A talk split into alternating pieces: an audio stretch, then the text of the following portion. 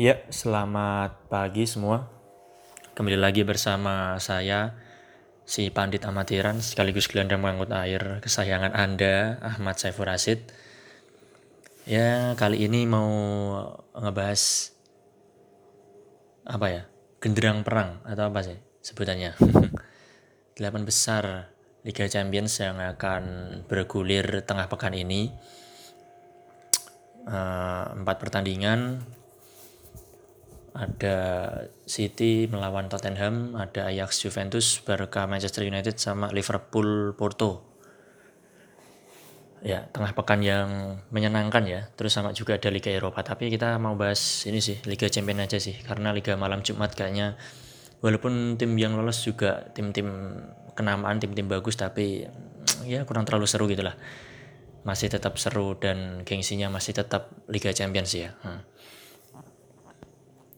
Uh, yang pertama Ajax Juve. Nah, Ajax Juve Ajax kalau menurut saya sih mm, bakal membu apa ya membuat kejutan lagi sih di pertandingan ini. Uh, pertandingan pertama diselenggarakan di kandang Ajax Johan Cruyff Arena. Hmm, apa ya mentalnya lagi sedang naik, kemudian performa Ajax juga lagi bagus-bagusnya nih dan uh, memuncaki klasemen sementara Liga Belanda.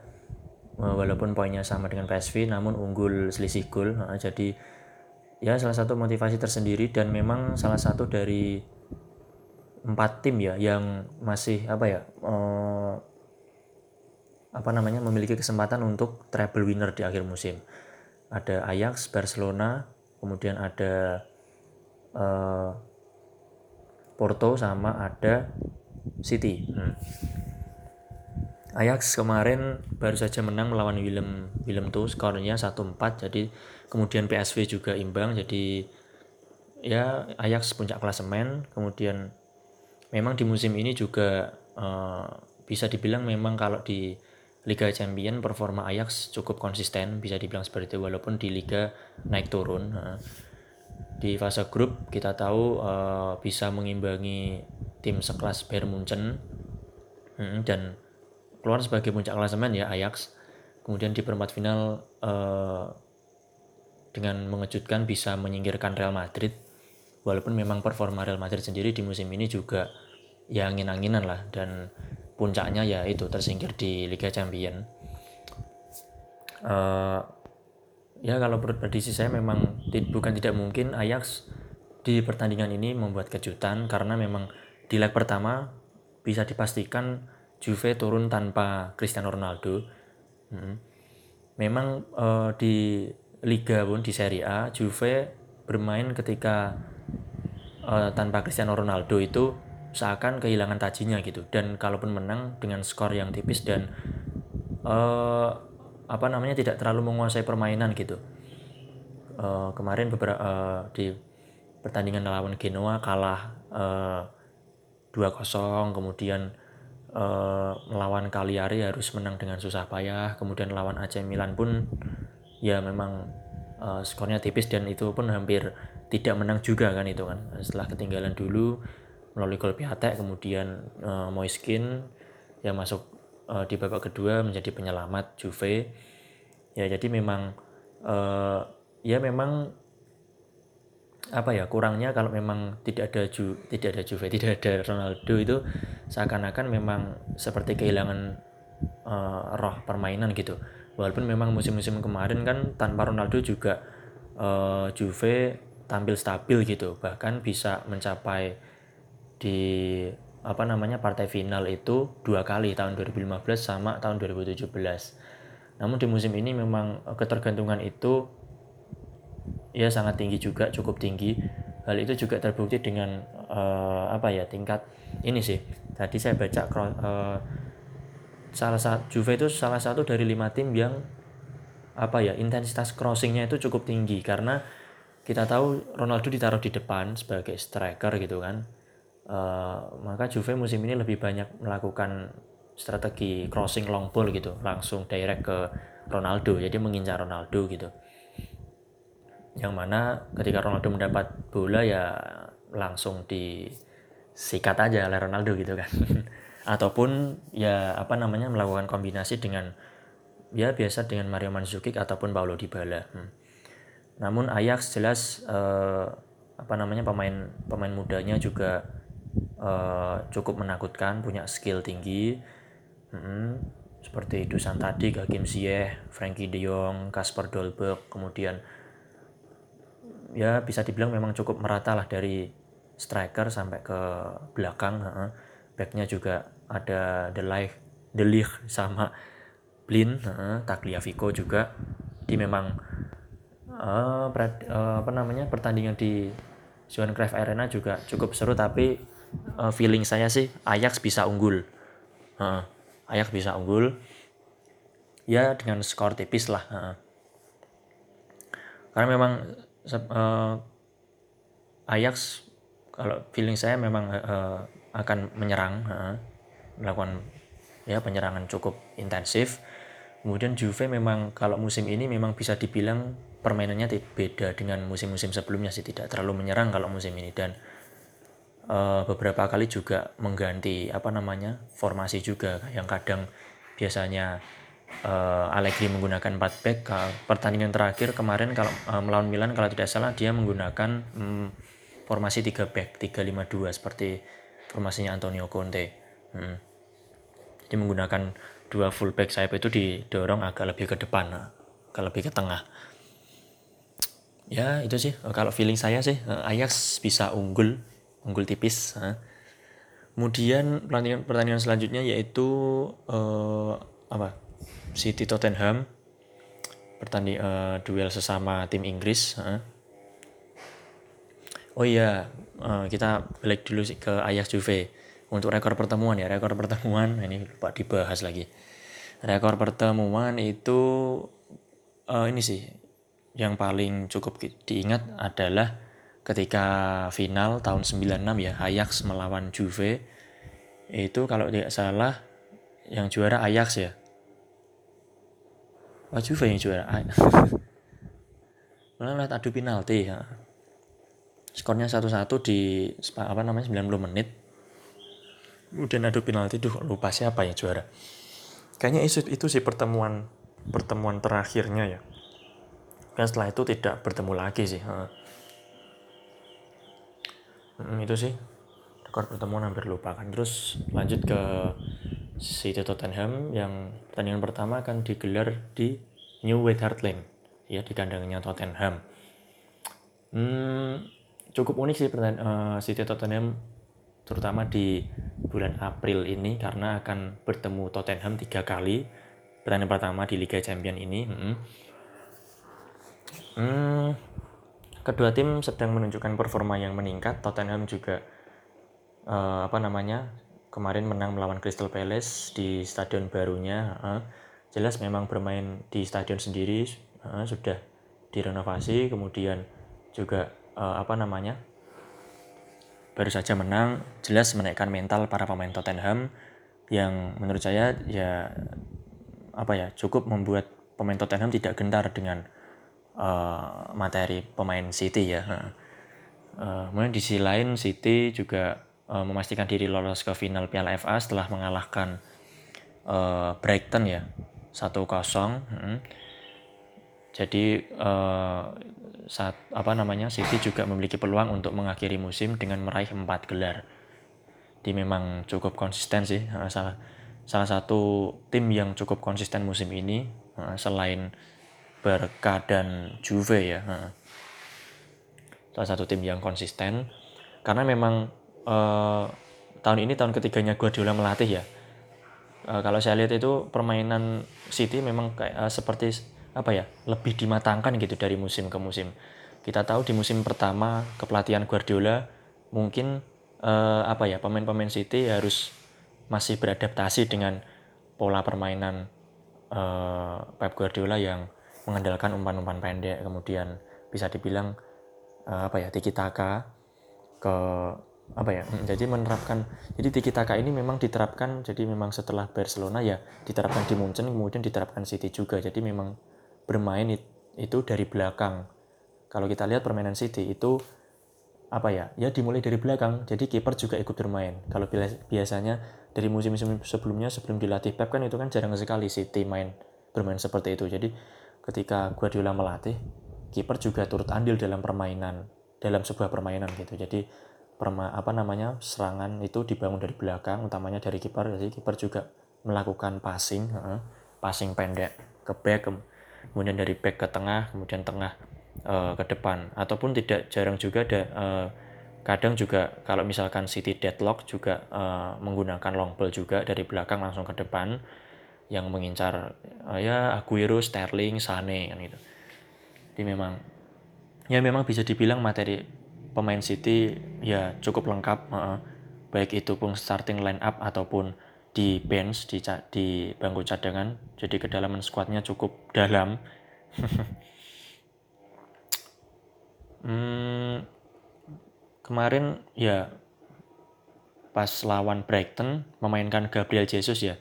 Jadi kemungkinan untuk melawan Tottenham dipastikan memang Aguero bakal turun. Kemudian selanjutnya tidak saya tidak melihat pemain-pemain yang lainnya sih maksudnya kayaknya tidak ada yang cedera juga pemain City dan kemungkinan memang bakal full tim. Karena ya mungkin melawan Brighton kemarin juga uh, memainkan para pemain muda juga ya uh, City.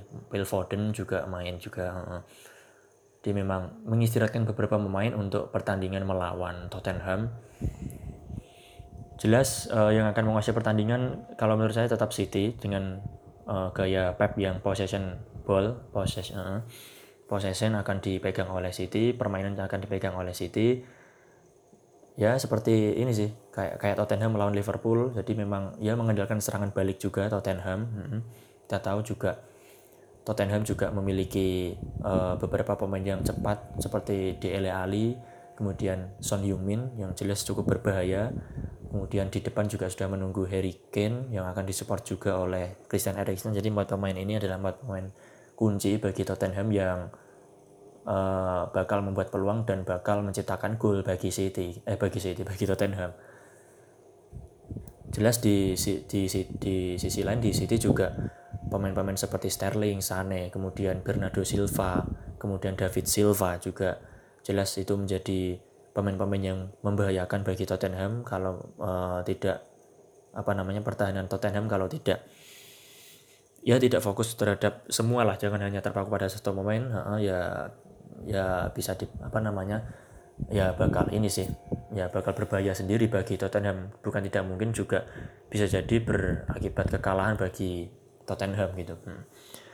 Nah, kalau menurut saya sih memang feeling saya sih masih unggul tipis City sih uh, di pertandingan pertama nanti walaupun memang digelar di uh, apa namanya New White Hart Lane uh, karena di beberapa pertemuan terakhir pun juga City masih mendominasi uh, Apalagi Tottenham kalau melawan tim-tim besar musim ini juga kurang apik, utamanya melawan sesama tim Big Six Premier League. Terakhir melawan Liverpool kalah, kemudian mas pas melawan Arsenal imbang kemarin, kemudian melawan Chelsea kalah. Jadi memang ya memang bisa dibilang juga uh, performa Tottenham ketika melawan uh, the Big Six, Six Premier League kurang meyakinkan. Jadi uh, feeling saya sih uh, City sih uh, feeling saya sih City unggul tipis juga uh. kemudian uh, tim kesayangan saya Barcelona akan bertandang ke Theater of Dream Old Trafford ke kandangnya Manchester United uh, hal yang cukup unik ketika kemarin Barca menang melawan Atletico yaitu pertandingan tersebut dihadiri oleh tamu kehormatan sang pelatih dari tim tuan rumah yang uh, dari tim Manchester United yaitu Ole kemarin datang untuk menyaksikan pertandingan Barca melawan Atletico yang mana uh, seperti yang diberitakan bahwa Ole melakukan pemantauan sih. Jadi memantau permainan Barca seperti apa, kemudian ya kemudian strategi yang pas ya untuk menghadapi Barca. Kemarin juga kayaknya ditemani oleh siapa gitu ya di sebelahnya itu. Kemudian uh, membawa seperti apa HP ataupun catatan untuk ya mencatat melihat permainan Barca kelebihan kekurangannya sih. Ya tapi kalau menurut saya sih percuma kalau kalau misalkan nanti permainannya ditampilkan oleh MU parkir bus. Kan percuma kan kalau mantau tapi permainannya akhir-akhirnya defend juga ya karena memang uh, jarang sih kalau tim apa namanya tim besar melawan Barca itu terbuka. Mungkin tim-tim seperti Madrid kemudian Arsenal kemudian Munchen yang memang filosofinya memang filosofi menyerang sama-sama menyerang sama kayak Barca. Jadi eh, kalau MU kan kita tahu semenjak dilatih Mourinho juga malah semenjak dilatih Van Gaal ya apa namanya kecenderungan untuk bertahan itu memang cukup tinggi sih. Karena eh, kalau menurut saya selepas selepas kepergian uh, apa namanya Sir Alex. Itu ya apa ya kecenderungan MU bermain defense itu cukup tinggi sih dari dari kalau zamannya Moyes masih belum terlalu sih. Kalau zamannya Van Gaal zamannya Mourinho apalagi itu cuma malah malah malah ini sih malah defense-nya malah uh, kemudian penyerangannya malah malah justru malah kurang gitu. Uh, jadi ya ke apa namanya bisa dibilang ketika kemarin dilatih uh, Mourinho wah MU ini parkir bus MU ini kebanyakan bertahan gitu kan. Permainannya membosankan gitu. Ya memang seperti itu sih MU dan ketika dilatih oleh pun uh, apa ya ketika melawan PSG terutama itu pun permainan yang ditampilkan sebenarnya kan tidak tidak terlalu atraktif juga kan. Maksudnya uh, intensitas menyerang juga tidak terlalu tinggi malah malah cenderung bertahan. Uh, apalagi pas di leg kedua itu di kandangnya PSG sebenarnya kan tidak terlalu menyerang juga hanya menam, hanya apa namanya menampilkan strategi serangan balik kan. Karena memang di, uh, bisa diakui pertahanan MU uh, pada saat melawan PSG di leg kedua memang cukup berhasil ya uh, menahan gemburan Di Maria dan Mbappe. Dan ya memang beruntungnya uh, apa namanya uh, serangan balik yang dilancarkan itu cukup sukses nah, jadi ya kalau menurut saya leg kedua MU eh leg kedua leg pertama MU tetap sih menampil apa namanya agak lebih bertahan walaupun di kandang sendiri ya mainnya dan kemarin juga apa namanya uh, pas melawan Wolf ya itu beberapa pemain diistirahatkan makanya ya itu mungkin kalau menurut saya salah satu faktor juga MU kalah dari Wolf sebenarnya sih bisa menahan bisa menahan atau bahkan bisa menang sih sebenarnya ha. Karena pada saat MU 11 pemain itu masih skor 1-1 dan ketika sebelum ketika bermain dengan 10 pemain Ashley yang kartu merah itu ya praktis uh, serangan diambil alih oleh Wolf dan ya 2-1 untuk kemenangan Wolf ya. Ya, bisa dilihat dari situ memang ketika melawan Wolf kan kalah dua kali, satu di Premier League, satu di Piala FA. Jadi memang sebenarnya ya juga main mainnya MU tidak terlalu bagus dan memang banyak lubang ya di pertahanan MU. Apalagi kalau back yang main itu Jones sama Smalling itu kadang kan ya apa namanya jadi bulan-bulanan juga kan ketika apa namanya dua back itu tampil. Ya. Ya Barca jelas tetap akan mengambil alih possession ball seperti uh, kita tahu. Kan ya baik di kandang maupun tandang Barca selalu dengan bermain possession ball. Ya ya seperti melawan Atletico kemarin sih uh, uh, banyak geser kanan kiri geser kanan kiri gitu. Ya tetap bola ber, berfokus atau berpusat pada Messi dengan seba, apa namanya berperan sebagai ya playmaker lah ya pengatur permainan yang tidak jarang juga mencetak gol. Kalau deadlock Barca memiliki Messi yang statistiknya statistiknya cukup mengagumkan sih musim ini ya terutama. Uh, kalau tidak salah 7 gol ya free kick Messi ya di semua kompetisi atau La Liga doang itu kemarin saya baca 7 gol dari free kick itu salah satu yang tertinggi sih. Hmm, sih. Jadi kalau Barca apa namanya deadlock itu sekarang mempunyai senjata yaitu tendangan bebasnya Messi sih. Tapi memang kalau melihat apa ya hmm, rekor pertemuan sih ya cukup seru juga. Pertemuan terakhir kemarin di final eh, Champion tahun 2011 di Wembley, Barca menang 3-1. Sebelumnya final juga di Roma Barca menang 2-0 dengan gol ikonik sundulannya Messi. Terus uh, di pertemuan sebelumnya juga itu di semifinal ya pertemuannya itu MU menang agregat 1-0 yang di mana MU lolos ke final dan juara tahun itu.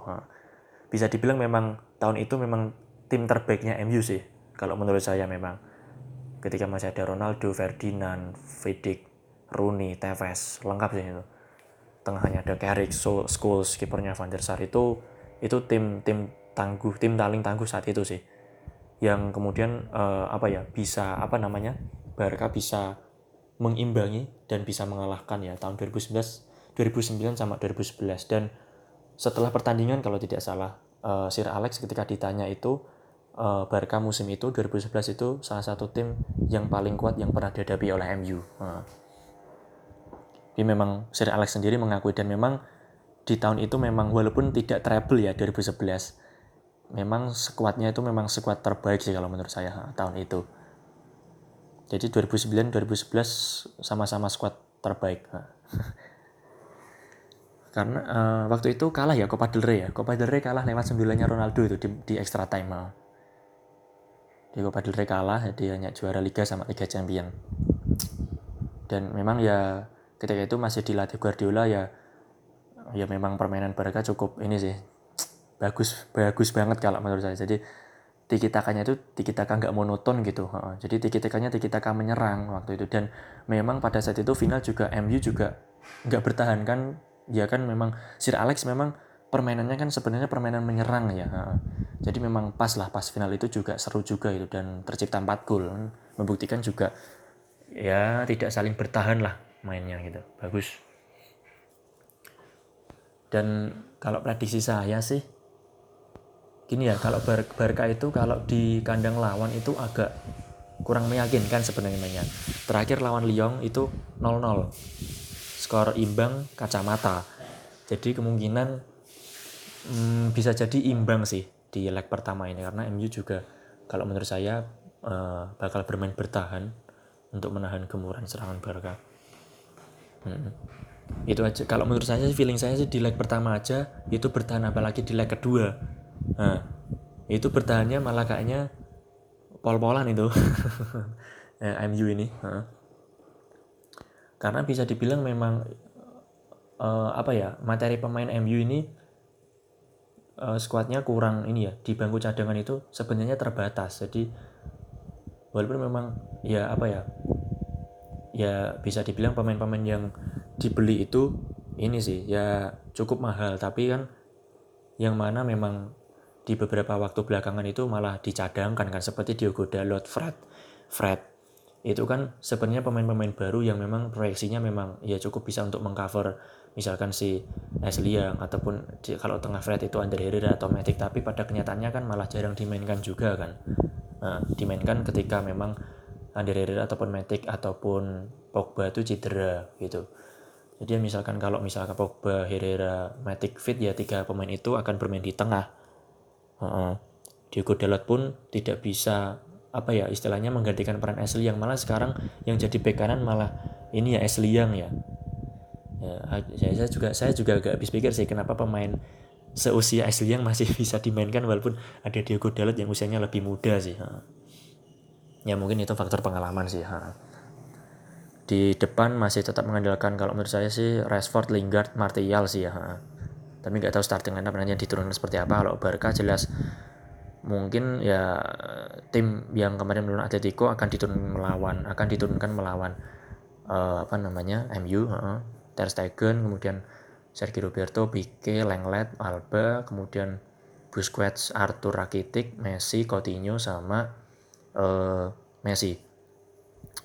Uh, kemudian update terakhir juga Dembele juga sudah mengikuti sesi latihan. Nggak tahu nanti akan bakal dibawa atau tidak dan bakal dan kalaupun dibawa bakal dimainkan atau tidak. Yang jelas memang Dembele dan juga Malcolm juga menjadi senjata tersendiri bagi Barca untuk memecah kebuntuan kalau misalkan deadlock. Karena kemarin juga pas melawan Atletico kemarin Malcolm ya yang dimainkan itu juga cukup membuat repot pertahanan Atletico.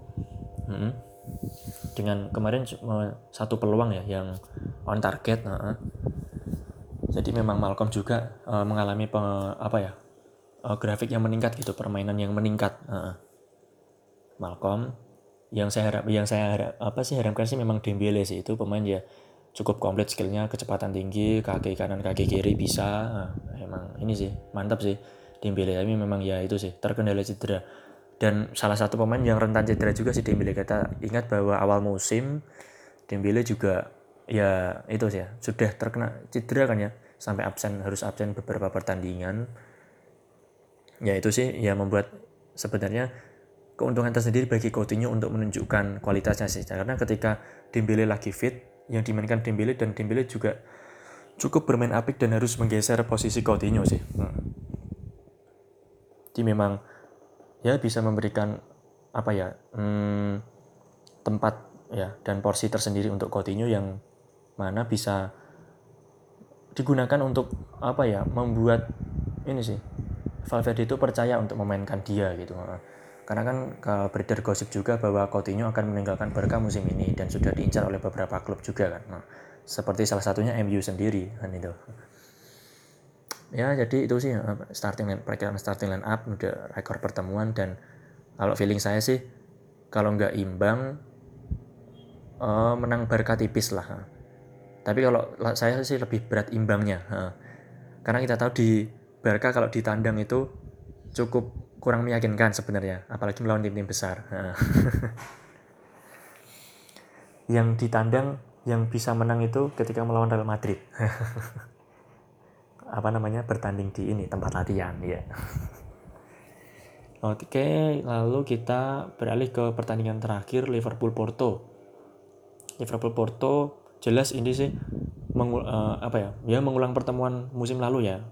Kalau walaupun musim lalu di 16 besar ya musim ini di perempat final. Kalau kita melihat berkaca musim lalu ya ya jelas Liverpool sih yang cukup diunggulkan karena musim lalu Porto dibantai dengan agregat 5-0 ya kalau tidak salah. Malah di uh, kalau musim kemarin di Dodrago malah sudah kalah 5-0 Porto. Ya tahu kenapa itu bisa kalah 5-0 walaupun di di Anfield malah bisa menahan imbang 0-0. Jadi di Porto malah di Dodrago malah kalah telak musim eh, di pertem eh, di pertemuan nanti itu pertandingan pertama berlangsung di kandang Liverpool di Anfield dulu ha -ha. dengan ya Liverpool juga apa ya lagi ini sih lagi sibuk-sibuknya juga dia bersaing bersama City di Premier League juga harus membagi fokus di ini juga uh, sama seperti City sih lebih membagi fokus di Liga Champions malah sebenarnya berat City sih fokusnya City malah tiga tiga turnamen karena satu turnamen sudah diraih yaitu Piala Kebu Carabao Cup. Tinggal tiga ya Premier League FA sama Champion Liverpool Premier League sama Champion dan memang persaingan kedua tim Liverpool City juga sedang panas-panasnya sedang ketat-ketatnya. Terpaut cukup hanya terpaut dua poin tinggal menyisakan tujuh laga atau enam laga sisa ya memang persaingan eh, Premier League cukup seru sih. Tapi ya dan ya kalau ngomongin hasil pertandingan kemarin Liverpool menang lawan Southampton 3-1 jelas memang itu menaikkan mental bagi pemain-pemain Liverpool apalagi memang uh, ya paling tidak memang Liverpool paling tidak harus menyamai musim kemarin yang bisa menjadi runner up dan itu juga ya salah satu target dari uh, Jurgen Klopp juga walaupun memang uh, sebagian fans Liverpool itu kalau saya lihat di internet atau apa itu malah lebih menginginkan Liverpool juara Liga sih daripada Liga Champions. Karena memang puasa juara Liga Premier sudah lama sekali ya hampir 29 tahun tidak pernah juara terakhir tahun 90 praktis lah itu tidak pernah juara lagi Liga. Dan memang untuk prestasi sendiri memang Liverpool minim sih. Bisa dibilang sedekade terakhir malah. Hmm, kalau Liga Champions terakhir 2005 itu kan udah berapa? 14 tahun lamanya terakhir itu dia meraih piala ini sih Carling Cup tahun 2012 jadi memang bisa dibilang memang minim prestasi sih Liverpool minim gelar. Di FA pun juga tidak berprestasi karena gagal biasanya gagal lolos perempat final atau 16 besar malahan. Uh, memang kalau dari beberapa tahun terakhir memang cukup meningkat performa Liverpool semenjak dilatih klub sudah melaju ke final Liga Eropa sama Liga Champions musim kemarin. Walaupun dua-duanya gagal ya. Sama satu final kebokap tapi kalah adu penalti melawan City. Jadi memang klub ini dijuluki sebagai spesialis final sebenarnya. spesialis lolos final walaupun gak juara gitu loh. ya pra, uh, kalau prediksi permainan sih jelas bakal dipegang oleh Liverpool dan uh, bisa di, uh, prediksi saya atau feeling saya sih Liverpool cukup ini sih unggul dengan skor yang cukup ya nggak tipis tapi cukup oke seperti ya 2-0 3-1 lah selisihnya 2 kalau feeling saya karena memang permainan Liverpool sendiri juga lagi meningkat dan kayaknya apa apa seperti menemukan performa kembali setelah beberapa pertandingan terakhir sebelum meraih kemenangan lawan Munchen itu terutama itu banyak meraih hasil imbang sih Uh, jadi selama periode Januari sampai Maret itu performa Liverpool kebanyakan kan kalau melawan tim-tim kecil itu kurang stabil, kadang banyak imbangnya juga. Kalau dilihat dari tabel klasemen uh, Liverpool itu performanya dia hanya kalah satu kali sebenarnya, tapi kebanyakan imbang. Imbangnya itu lawan tim-tim kecil. Nah itu ada apa inkonsistensi Liverpool sih itu Januari sampai Maret. Uh. Porto juga sebenarnya lagi bersaing ini lah sama Benfica poinnya juga sama uh, di Liga Portugal untuk meraih juara poinnya sama uh, namun kalah selisih gol jadi Porto peringkat dua ya jelas kemarin uh, kalau 16 besar kemarin melawan Roma bisa comeback -uh. Ya memang bisa memberikan kejutan tapi mungkin kejutan yang diberikan mungkin di Dragao sih. Kalau saya melihat di Anfield hmm, tetap Liverpool sih yang menguasai dan bisa memenangkan pertandingan. Dan ya bisa di apa acungi jempol juga untuk Porto semangat juangnya sih. Kemarin ketika melawan Porto eh melawan Porto melawan Roma itu sampai extra time ya. Menit 117 penaltinya Alex Teles yang menentuk ke, menentukan kemenangan Porto atas Roma. Ya ya maksudnya gini lawan ya kan kemarin lawan Roma di di kandangnya Roma kalah tau Porto. Jadi memang Porto kalau ketika bertanding pun juga sebenarnya kurang stabil juga performanya. Walaupun di kandang sangat superior ya bisa dibilang seperti itu. Ya emang feeling saya sih di Anfield pertemuan pertama hmm, uh, bakal dimenangkan oleh Liverpool lah. Kemudian kalau kalau berbicara untuk yang lolos siapa sih saya sih Liverpool Barca City sama Ajax kalau saya Ajax gak Juve Ajax itu aja sih uh, apa ya ya sedikit preview dari saya si Pandita Matiran. Hmm. Ya, semoga kita disuguhkan dengan permainan-permainan yang seru dari delapan tim itu.